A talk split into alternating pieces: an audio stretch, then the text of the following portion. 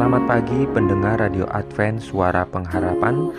Mari mendengarkan suara Tuhan melalui tulisan pena inspirasi Menjadi putra dan putri Allah. Renungan harian 27 Oktober Dengan judul Yang teraniaya menerima kerajaan. Ayat inti diambil dari Matius 5 ayat 10 Firman Tuhan berbunyi, Berbahagialah orang yang dianiaya oleh sebab kebenaran, karena merekalah yang empunya kerajaan sorga. Mungkin Yesus datang pagi Urayanya sebagai berikut. Yesus tidak memberikan kepada para pengikutnya harapan untuk mencapai kemuliaan dan kekayaan duniawi dan memiliki kehidupan yang bebas dari pencobaan. Tetapi ia memberikan kepada mereka hak istimewa untuk berjalan bersama Tuhan mereka di jalan penyangkalan diri dan celaan, karena dunia tidak mengenal mereka. Dia yang datang untuk menebus dunia yang hilang, dilawan oleh kekuatan musuh Allah dan manusia yang bersatu. Dalam sebuah persekongkolan yang tidak berbelas kasihan, orang-orang jahat dan para malaikat jahat mengatur diri mereka sendiri untuk menentang pangeran kedamaian.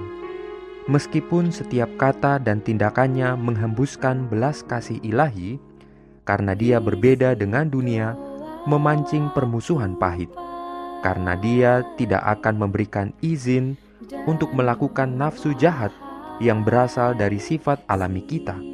Dia membangkitkan perlawanan dan permusuhan yang paling sengit. Demikian juga dengan semua orang yang hidup saleh di dalam Kristus Yesus, antara kebenaran dan dosa, kasih dan kebencian, kebenaran dan kepalsuan, ada konflik yang tak tertahankan.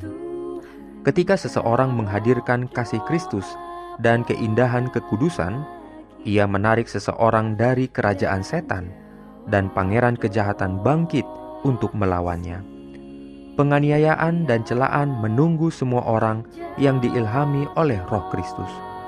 Karakter penganiayaan berubah seiring dengan waktu, tetapi asas roh yang mendasari itu adalah sama yang telah membunuh orang pilihan Tuhan sejak zaman Habel. Ketika manusia berusaha untuk menyelaraskan diri dengan Allah, mereka akan menemukan bahwa serangan terhadap salib belum berhenti kerajaan dan kuasa, serta roh-roh jahat di tempat-tempat tinggi dipersiapkan melawan semua orang yang tunduk pada hukum surga.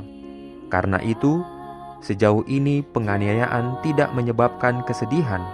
Penganiayaan harus membawa sukacita bagi para murid Kristus. Karena itu adalah bukti bahwa mereka mengikuti langkah-langkah Tuhan mereka melalui pencobaan dan penganiayaan, kemuliaan karakter Allah dinyatakan dalam diri umat pilihannya. Amin. ataupun hari siang Jangan lupa untuk melanjutkan bacaan Alkitab sedunia. Percayalah kepada nabi-nabinya yang untuk hari ini melanjutkan dari buku Kolose Pasal 4 Selamat beraktivitas hari ini, Tuhan memberkati kita semua. Mungkin datang